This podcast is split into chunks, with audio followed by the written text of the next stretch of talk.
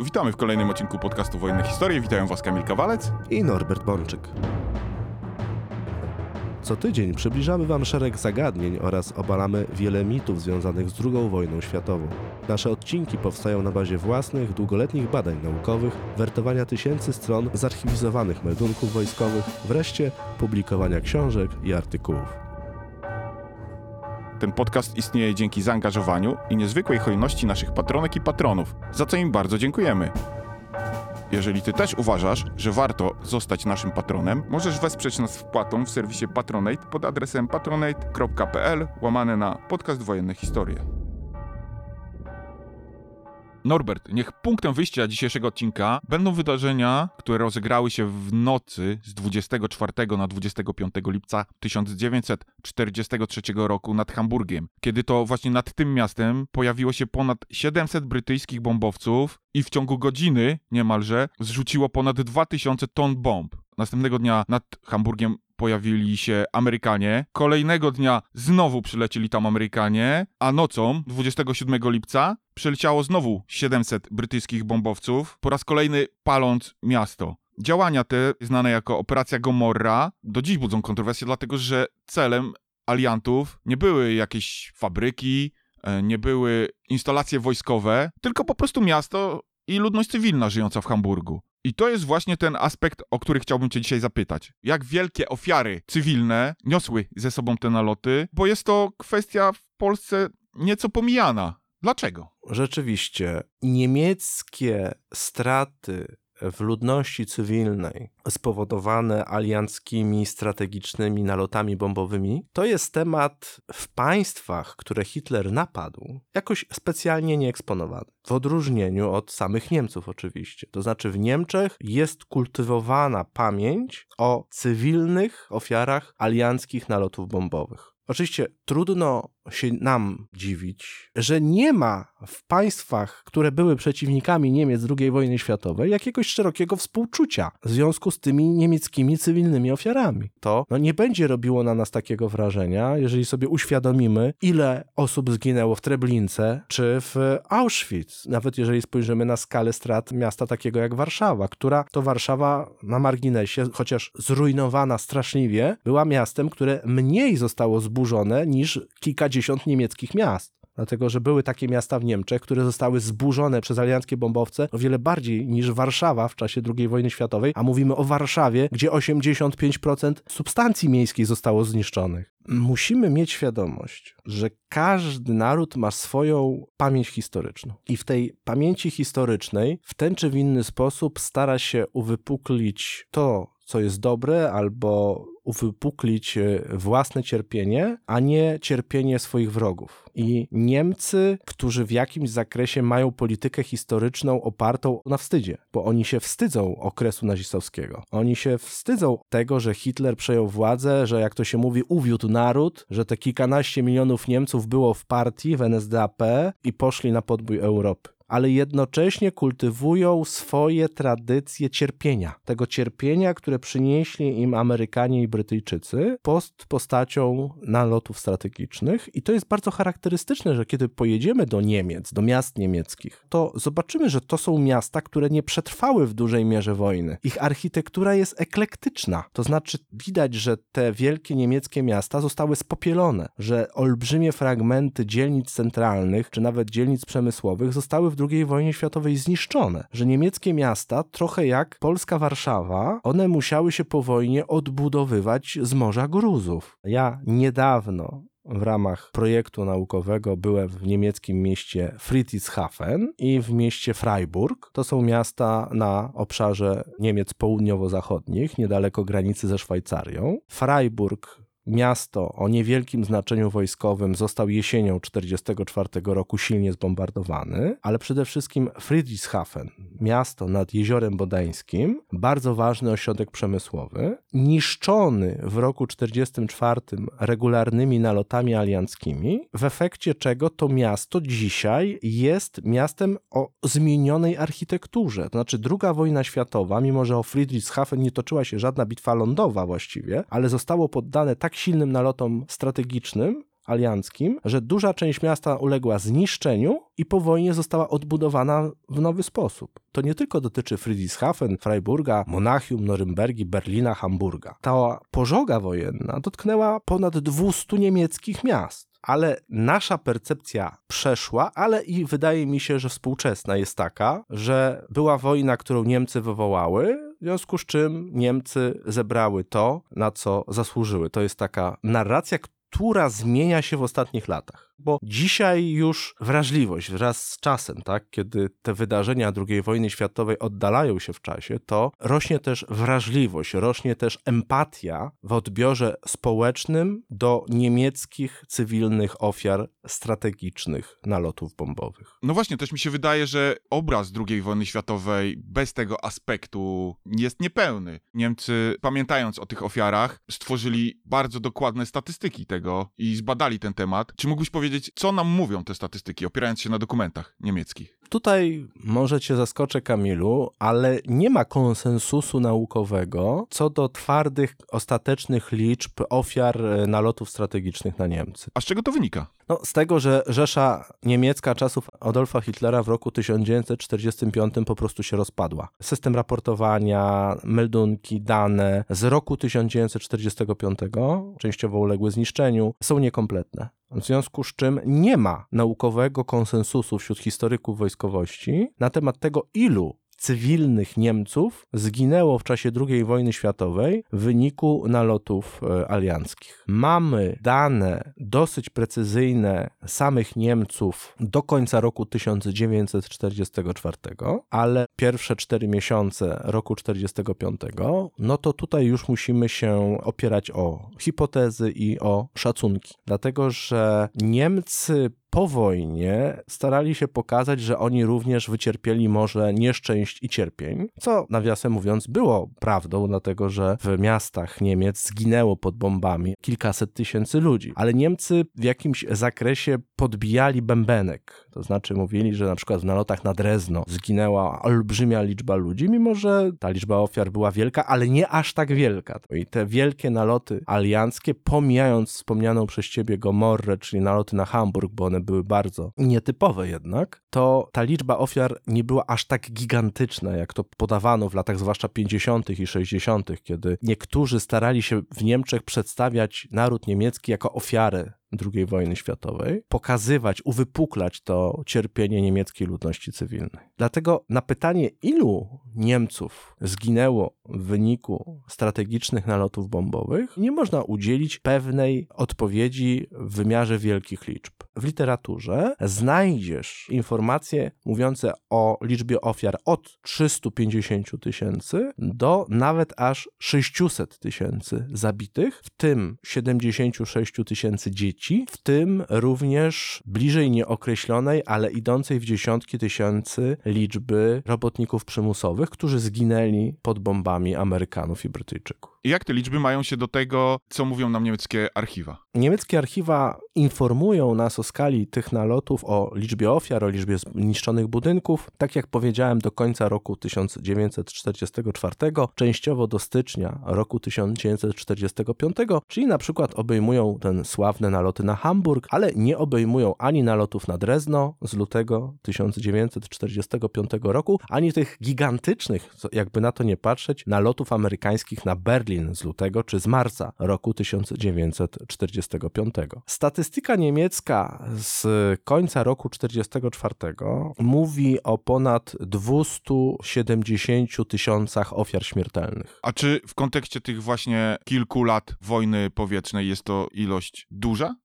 Jest to z jednej strony ilość oszałamiająco duża, bo mówimy przecież o setkach tysięcy cywili, którzy stracili życie w czasie wojny. Z drugiej strony nie jest to liczba jak na skalę alianckich uderzeń jakaś przesadnie oszałamiająca, dlatego że naloty strategiczne niszczyły jednak przede wszystkim infrastrukturę, to znaczy niszczyły miasta, niszczyły przemysł, niszczyły sieć kolejową, sieć drogową, natomiast ludność w większości miała szansę przetrwać w schronach. W związku z czym te naloty, jeżeli porównamy ich skalę, poziom zaangażowania, to to nie są wielkie liczby, zwłaszcza jeżeli porównamy je do państwa, które również doświadczyło strategicznych nalotów bombowych ze strony aliantów, a które absolutnie było wielokrotnie gorzej przygotowane do tego, czyli Japonii. Jeżeli porównamy mimo wszystko murowane, ceglane, betonowe miasta niemieckie do drewnianych, bambusowych, w cudzysłowie miast japońskich, to zauważymy, że lotnictwo strategiczne, no o wiele skuteczniejsze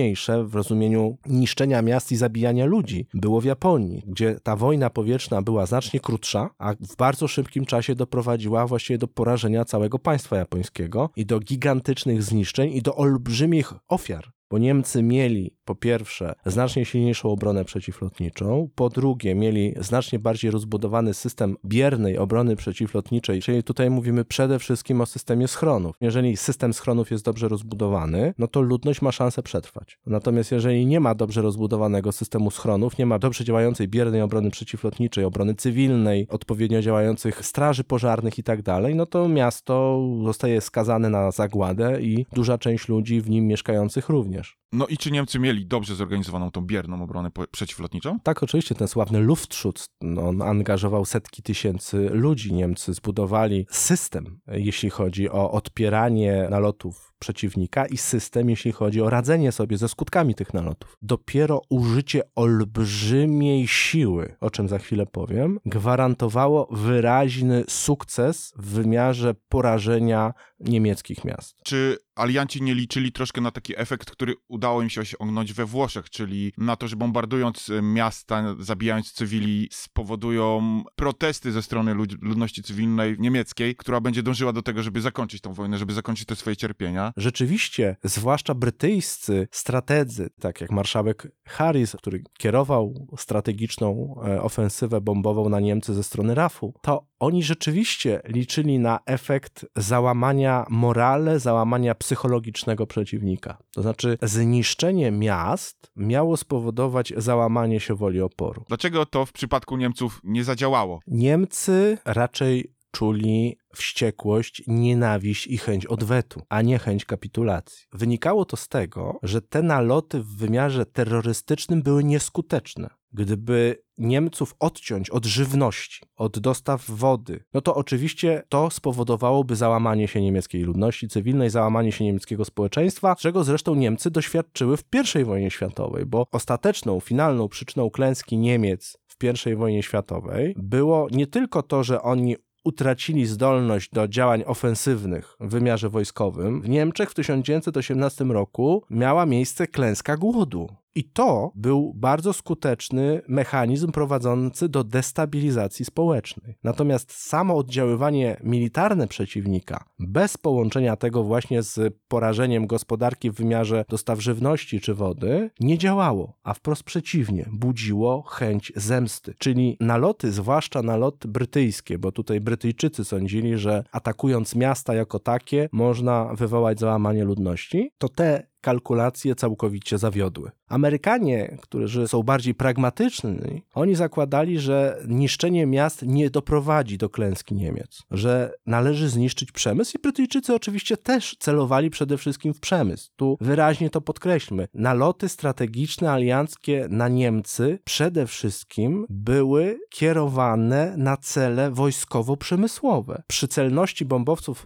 horyzontalnych rzędu 8% w cel punktowy, no nie da się nie porazić miasta, które znajduje się przy wielkim zakładzie przemysłowym. W związku z czym, chcąc zbombardować jakąś fabrykę, no bombardowało się miasto, które to mieście ta fabryka stała. Chcąc, nie chcąc, alianci, niszcząc niemiecki przemysł, niszczyli też niemieckie miasta. Ta wojna powietrzna jest tak naprawdę najważniejszym frontem, bo Niemcy utraciły zdolność do projekcji siły, utraciły zdolność do prowadzenia wojny za Hitlera właśnie dzięki oddziaływaniu strategicznego lotnictwa alianckiego, ale to nie z tego powodu, że Amerykanie czy Brytyjczycy bombardowali niemieckie miasta i zabijali niemieckie kobiety czy dzieci. To nie przyniosło im żadnego sukcesu, natomiast to, że w miastach były fabryki, to, że Niemcy były uzależnione od wydajności swoich sieci kolejowych, drogowych, to, że potrzebowały paliw, że potrzebowały surowców. To wszystko alianckie lotnictwo zdruzgotało i to był wielki sukces, to było wielkie zwycięstwo zachodnich aliantów, a śmierć tych kilkuset tysięcy niemieckich cywili, ona, można by powiedzieć, była tą ciemniejszą stroną tego sukcesu, ale wydaje się, że chociaż to była ta wstydliwa, ciemniejsza strona tego sukcesu, to było to w jakimś zakresie konieczne. To znaczy Niemcy by się jako państwo nie poddały, ale alianci mieli pełną świadomość tego, że będą ofiary wśród ludności cywilnej, według tego biblijnego powiedzenia, kto sieje wiatr, ten zbiera burzę. No i to chyba w dosłownym tego słowa znaczeniu, no bo Drezno zostało zniszczone przez właśnie burzę ogniową, wywołaną nalotem mającym na celu wyeliminowanie węzła komunikacyjnego. Powiem, że z tych dwóch najsławniejszych nalotów, które budzą kontrowersje, czyli Drezno, luty 45 i Hamburg, lipiec 43, to o wiele trudniejszy do obrony, jeżeli będziemy bronić brytyjskich strategów, tak? Bo i Hamburg, i Drezno zasadniczo przede wszystkim spaliły bombowce brytyjskie. Ale to ten nalot na Hamburg, operacja Gomorra z roku 43, on miał charakter o wiele bardziej terrorystyczny. On był nalotem na zastraszenie, o wiele bardziej niż Drezno w roku 45. Dlatego, że Hamburg był w roku 43 całkowitym ewenementem. Znaczy nikt nie spodziewał się czegoś takiego. Alianci podejmowali już od roku 42 na szerszą skalę naloty na miasta niemieckie, ale to, co się wydarzyło w Hamburgu, było szokiem dla Niemców wyjątkowym, dlatego że tam powstała ta burza ogniowa, o której wspomniałeś. To miasto zostało straszliwie zdewastowane i poniesiono tam kolosalne straty w ludziach, co nigdy wcześniej się nie zdarzało. No właśnie, jak były to duże straty? Bo już na samym początku powiedziałeś, że Niemcy w swojej polityce historycznej jednak zawyżają te straty. Więc co o tych stratach mówią niemieckie archiwa? W niemieckich archiwach, jeśli chodzi o Hamburg, znajdziemy bardzo dużo informacji, że to był jednak porażający, przerażający dla Niemców nalot. Dlatego, że to był jedyny taki przypadek w całym roku 43, kiedy zginęło tak wielu ludzi, bo oficjalne dane Luftwaffe, nie tylko za Hamburg, ale tu o Hamburg przede wszystkim chodzi, mówią o 45 tysiącach zabitych cywilów w Rzeszy. I to była gigantyczna liczba ofiar. Ktoś może powiedzieć, że w jakimś zakresie było to ludobójstwo, bo mówimy tutaj z jednej strony o zaatakowaniu Hamburga, niezwykle ważnego celu wojskowego, port, jednostki wojskowe, zakłady przemysłowe, to wszystko w Hamburgu było. Ale jednocześnie Hamburg został zaatakowany po to, żeby go zniszczyć. Czyli alianci chcieli unicestwić miasto i Niemcy nie byli przygotowani na to, że ten nalot będzie aż tak skuteczny, że powstaną takie pożary. Skala ofiar, skala zniszczeń zaskoczyła wszystkich i aliantów, i Niemców. Spójrzmy na kontekst. Rok 1943. Dopiero wtedy zaczyna się tak naprawdę strategiczna ofensywa aliantów na Niemcy. Oczywiście, że RAF pojawia się nad Niemcami już od roku 1939. Pierwsze bomby na Berlin to jest lato 1940 roku. Pierwszy ten sławny nalot, kiedy Harris zbiera wszystkie możliwe bombowce, nawet z jednostek szkolnych, na chwilę przesuwa do, do linii, żeby zrobić efekt wow, wysyła 1043 samoloty na kolonię. To jest maj 1942 roku. Ale to jest jeszcze jednostkowy przypadek. To jest rodzaj testu. Harris testuje ile potrzebuje samolotów, żeby skutecznie razić jakieś miasto. No i alianci w roku 1942 na bazie tych testów dochodzą do wniosku, że z jednej strony tak, lotnictwo to jest najbardziej genialny środek walki, jaki mają do dyspozycji, bo generuje małe straty własne, a gigantyczne straty u przeciwnika, tylko że strategiczne lotnictwo bombowe jest wtedy skuteczne, kiedy z jednej strony jest niezwykle zaawansowane technicznie, ale z drugiej strony musi być go dużo. Ilość i jakość muszą występować razem, inaczej nie ma efektu. I w roku 1942 alianci na bazie takich testów jak nalot na kolonie orientują się, że żeby porazić Niemcy, muszą mieć tysiące bombowców w gotowości bojowej. No i oczywiście budują taką flotę, ale ona będzie gotowa do pełnej projekcji siły dopiero w roku 1944. I wtedy już poszli na całość. Natomiast wcześniej, w 1941-1942 roku, te naloty na Niemcy mają charakter nie tyle co incydentalny, co nie godzą w niemiecką gospodarkę i specjalnie nie godzą w niemiecką ludność cywilną. Te straty nie są duże Amerykanie i Brytyjczycy odważniej zaczynają pojawiać się nad Niemcami od roku 43. Ale to wciąż nie są jeszcze duże liczby. Niemcy mają takie statystyki, kiedy mówią, że tam w styczniu spadło 3000 bomb na Niemcy. Mówię o Rzeszy, nie mówię o krajach okupowanych, zwłaszcza Francji, która też jest cały czas celem ataków alianckiego lotnictwa strategicznego. Ale Niemcy mówią, że w styczniu 1943 roku to 3000 ton bomb na nas spadło, w lutym 6000, w marcu 9, w kwietniu 10, w maju 14 tysięcy, w czerwcu 16 tysięcy. No i przychodzi ten lipiec 1943 roku, przychodzi Hamburg. Ta statystyka nie jest jakaś wielka. Niemcy meldują, że w lipcu 1943 roku alianci na Rzeszę zrzucili 18 tysięcy ton bomb. Czyli ta skala nalotów jest znacznie większa niż zimą, ale to wciąż jest tylko lub aż 18 tysięcy bomb, jak oni sami to przeliczają. Ale spójrzmy teraz na dwie inne statystyki, które Niemcy prowadzili. Na statystyki zniszczonych domów i zabitych ludzi. Według oficjalnych niemieckich raportów w styczniu 1943 roku alianci zabili bombowcami strategicznymi 700 Niemców. W lutym 1943,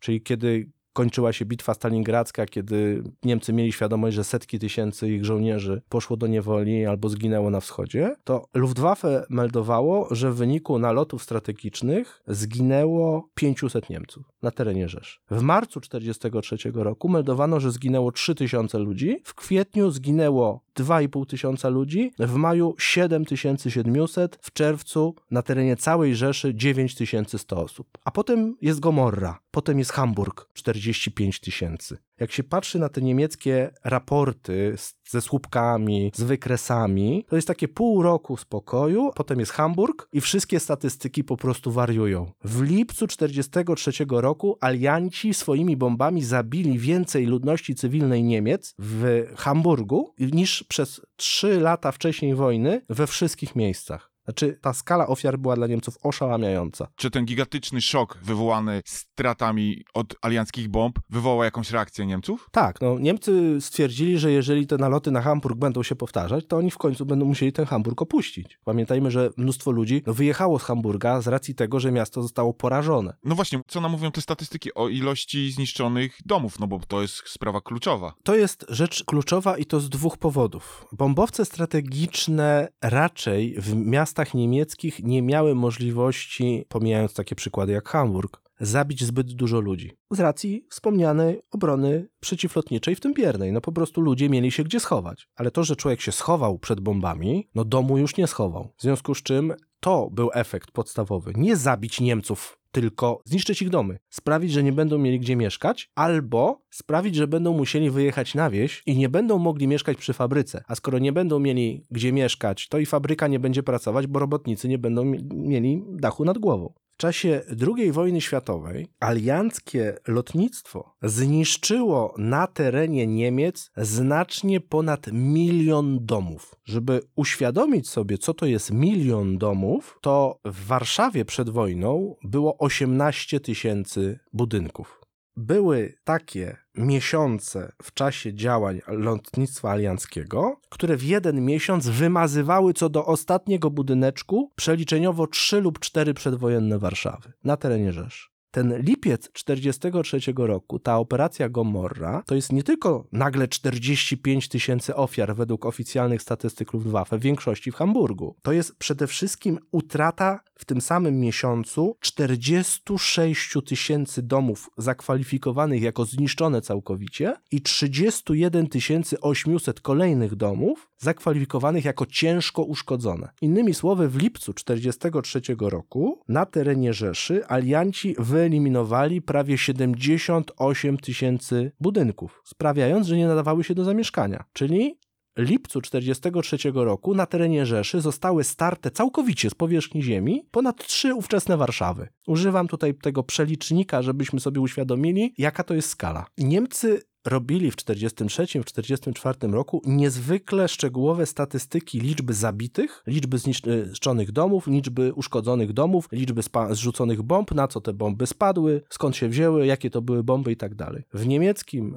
Bundesarchivum w Freiburgu, tym Freiburgu, który sam został jesienią 1944 roku ciężko porażony nalotem strategicznym, znajdziemy właśnie taką dokumentację. I ten lipiec 1943 roku był dla Niemców totalnym szokiem, bo w maju 7700 ofiar śmiertelnych nalotów to już jest dużo. W czerwcu 9100, ale w lipcu 45 tysięcy. Tak samo było w przypadku budynków. W styczniu 1943 roku strategiczne naloty bombowe na Niemcy doprowadziły do zniszczenia tysiąca domów i uszkodzenia 4400. W maju 1943 roku tych zniszczonych domów było już 12 500, a uszkodzonych 26 tysięcy. Kiedy alianci w czerwcu 1943 roku jeszcze przed Hamburgiem zaczęli na przykład intensywnie bombardować Zagłębie Rury, no to liczba zniszczonych budynków sięgnęła prawie 30 tysięcy, a uszkodzonych 32 tysięcy. Niemniej lipiec 1943 roku wybił ponad skalę, dlatego że był to najcięższy pod względem zarówno ofiar, jak i zniszczonych bądź uszkodzonych budynków miesiąc dla Niemiec w całym roku 1943. Alianci takiej efektywności w zniszczeniu nie powtórzyli przez całe kolejne pół roku. W drugiej połowie 1943 roku ta intensywność i skuteczność nalotów alianckich w rozumieniu zniszczenia słabła, bo na przykład we wrześniu 1943 roku zginęło 4900 Niemców, a w grudniu 4000 Niemców na terenie całej Rzeszy. Niemcy w drugiej połowie 1943 roku bardzo wzmocnili swoją obronę przeciwlotniczą, tą bierną, o którym wspominałem, też tą aktywną, czyli rozwój lotnictwa, rozwój flaku, którym poświęciliśmy już osobne odcinki i alianci w roku 1943 nie uzyskali już więcej efektu Hamburga. Licząc od sierpnia do grudnia, czyli przez 5 miesięcy, zginęło mniej Niemców od nalotów niż w lipcu 1943 roku. Jeśli chodzi o budynki, to też skala zniszczeń w drugiej połowie 1943 roku była mniejsza niż w tym krytycznym okresie czerwca i lipca roku 1943. No ale mówiłeś, że tak naprawdę alianci byli gotowi do tej swojej potężnej ofensywy strategicznej dopiero w 1944 roku. Czy zatem ilość zniszczonych budynków i zabitych ludzi gwałtownie zaczęła od tego czasu rosnąć? Czy te naloty wciąż były za słabe? Nie, od roku 44 już słabe nie były. Jesienią 44 roku i zimą 45 Niemcy będą mieli taki Hamburg miesiąc w miesiąc. Skala strat, jakie zaczną zadawać ludności cywilnej i niemieckim miastom alianckie bombowce od września 44 roku do marca 45 roku, to już będzie taki Hamburg tylko przez pół roku bez przerwy. Oczywiście nie będzie to jedno miasto, bo Gomorra, Hamburg to mówimy o nalotach na jeden konkretny cel. Potem takimi celami będą na przykład Berlin czy Drezno, ale jednak alianci będą niszczyć mnóstwo miast. Ale ostatecznie w statystykach liczba zniszczonych budynków, liczba zabitych ludzi to będzie taki lipiec 43 roku teraz już co miesiąc. Żeby nie być gołosłownym. Alianci uderzyli w 44 roku z całą siłą na Niemcy, prowadząc określone operacje. Czyli najpierw niszczyli Luftwaffe, niszczyli produkcję paliwową, przygotowywali się do inwazji w Normandii, co na przykład spowodowało, że w czerwcu 1944 roku te naloty były bardzo słabe na tereny samych Niemiec. Dość powiedzieć, że w czerwcu 1944 roku Niemcom zniszczono tylko 4100 domów, a dla przykładu w kwietniu 1943 to było 23 tysiące domów. Ale potem, kiedy zwyciężyli w Normandii, kiedy załamał się niemiecki system wczesnego ostrzegania, kiedy nie było już tych radarów w Belgii, częściowo w Holandii, we Francji, kiedy niemieckie samoloty nie miały już benzyny syntetycznej, bo rafinerie zostały zniszczone przez alianckie bomby, kiedy załamał się system skutecznej obrony Luftwaffe, no to ta gigantyczna, wciąż rosnąca potęga alianckiego lotnictwa z całą bezwzględnością wylała się na ludność Niemiec i na niemieckie miasta.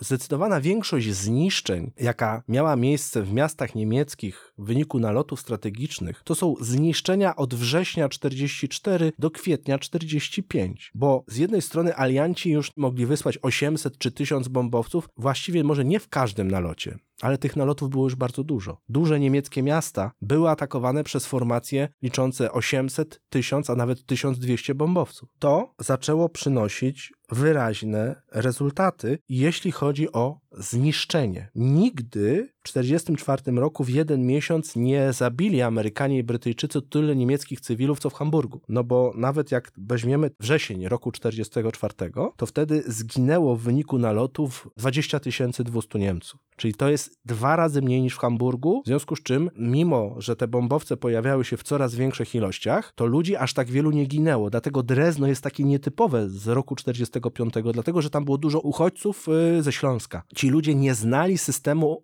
biernej OPL w mieście. Zostali zaskoczeni i ponieśli duże straty, ale Drezno to jest 25-35 tysięcy ofiar. To jest znacznie mniej niż w Hamburgu, mimo wszystko. Czyli ludzie mieli gdzie się schować, ale tak jak powiedziałem, domów schować nie mogli. I we wrześniu 1944 roku na terenie Rzeszy według raportów Luftwaffe zostało zniszczonych 35 400 domów, a 27 600 ciężko uszkodzonych. Czyli mówimy tutaj o sytuacji, gdzie ponad 60 tysięcy budynków, takie 3,5 Warszawy ówczesnej, zostały starte z powierzchni ziemi w wyniku nalotów strategicznych. W październiku 1944 roku zniszczonych budynków w Rzeszy było 40 600, a ciężko uszkodzonych 36 700. Suma zniszczonych budynków, suma ciężko uszkodzonych budynków była już większa niż w Hamburgu w 1943 roku. I tak już będzie co miesiąc. Po prostu ta Rzesza będzie wybombardowywana, ale nie celem będzie zabijanie ludzi, ludobójstwo. Celem będzie po prostu zniszczenie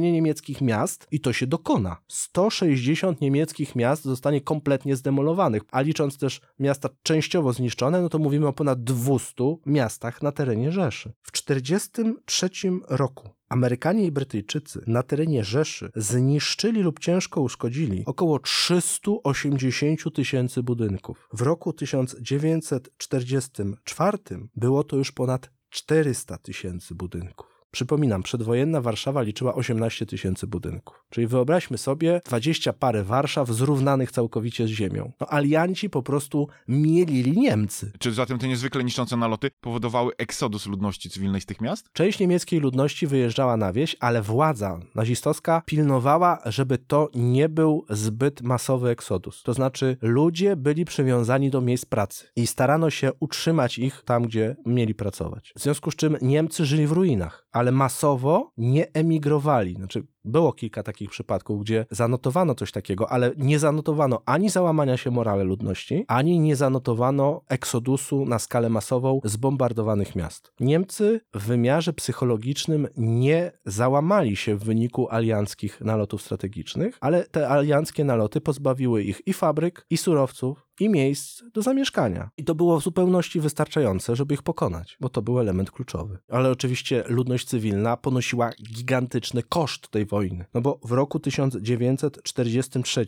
zginęło na terenie Rzeszy ponad 100 tysięcy ludzi. W roku 1944 w wyniku nalotów zginęło 120 tysięcy ludzi i mówimy tutaj o cywilach, więc ta skala była duża. No ale przecież naloty strategiczne miały wielowarstwową strukturę oddziaływania na tą ludność cywilną, bo przecież Niemcy nie wiedzieli, na które miasto kieruje się dany nalot, więc do schronów musieli uciekać ludzie z wielu miast i tam nagle musiało zam zamierać życie. W jak duży sposób to dezorganizowało pracę niemieckiego przemysłu i właściwie utrudniało życie ludziom w miastach? No tu poruszyłeś niezwykle ważki temat. Dokładnie jest tak, jak mówisz. Spójrzmy na to, że jedno niemieckie miasto będzie bombardowane, ale obrona przeciwlotnicza, czynna w postaci dział przeciwlotniczych, musi być rozstawiona wokół wielu miast. Tak samo schrony, które przecież kosztują. Przecież budowa schronów to jest konkretny wydatek na poziomie użycia stali czy wylania betonu. Trzeba te schrony zbudować wszędzie. Nalot jest prowadzony na jedno miasto, ale alarm przeciwlotniczy ogłasza się na całym obszarze i ludzie chowają się do schronów w kilkunastu czy kilkudziesięciu miastach w rejonie tego nalotu. To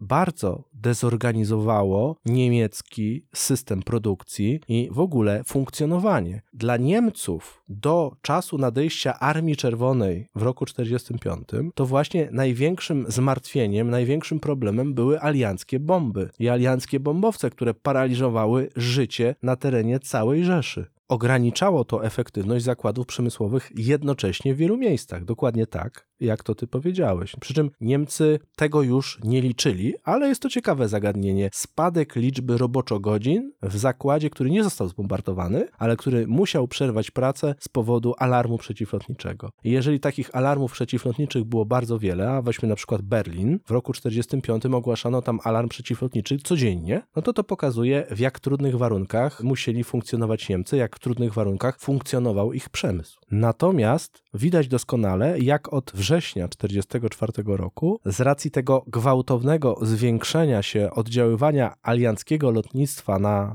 Niemcy jako takie, jak zaczął im się sypać przemysł, jak zaczął im się sypać system komunikacyjny. Ich państwo od września 1944 roku było już w stanie agonii. Wszystkie wskaźniki makroekonomiczne zaczęły im się załamywać. Jak weźmiemy statystykę za cały rok 1944, to tego nie dostrzeżemy w pełni, ponieważ w pierwszych, zwłaszcza dwóch kwartałach roku 1944, niemiecki przemysł osiągnął maksimum swojej efektywności, chociaż i tak znacznie poniżej oczekiwań, ponieważ alianci i tak swoimi nalotami znacząco spowolnili, zahamowali rozwój niemieckiego przemysłu wcześniej. Ale od września 1944 roku to już jest równia pochyła. Znaczy, niemieckie morale się nie załamuje, ale nie da się już produkować tych tygrysów w zniszczonych halach produkcyjnych, nie da się już wytwarzać amunicji, bo nie ma już fabryki chemicznej, która odpowiadała za dostawę materiału wybuchowego do pocisków. W związku z czym alianci nie wybombardowali niemieckiego morale, nie wybombardowali niemieckiej ludności, ale wybombardowali im system i wygrali wojnę. Skoro zaczęliśmy ten odcinek od bombardowania Hamburga, to może skończymy na drugim, najbardziej znanym nalocie na Niemcy niemieckie miasto, czyli Drezno. Czy zatem oskarżenia aliantów o ludobójstwo w tym mieście są uzasadnione? Nie, no oczywiście nie są uzasadnione. Miasto Drezno zostało zbombardowane, bo było niezwykle ważnym węzłem kolejowym i bardzo ważnym centrum produkcji zbrojeniowej. W związku z czym to nie może nam umykać. Przypadek sprawił, że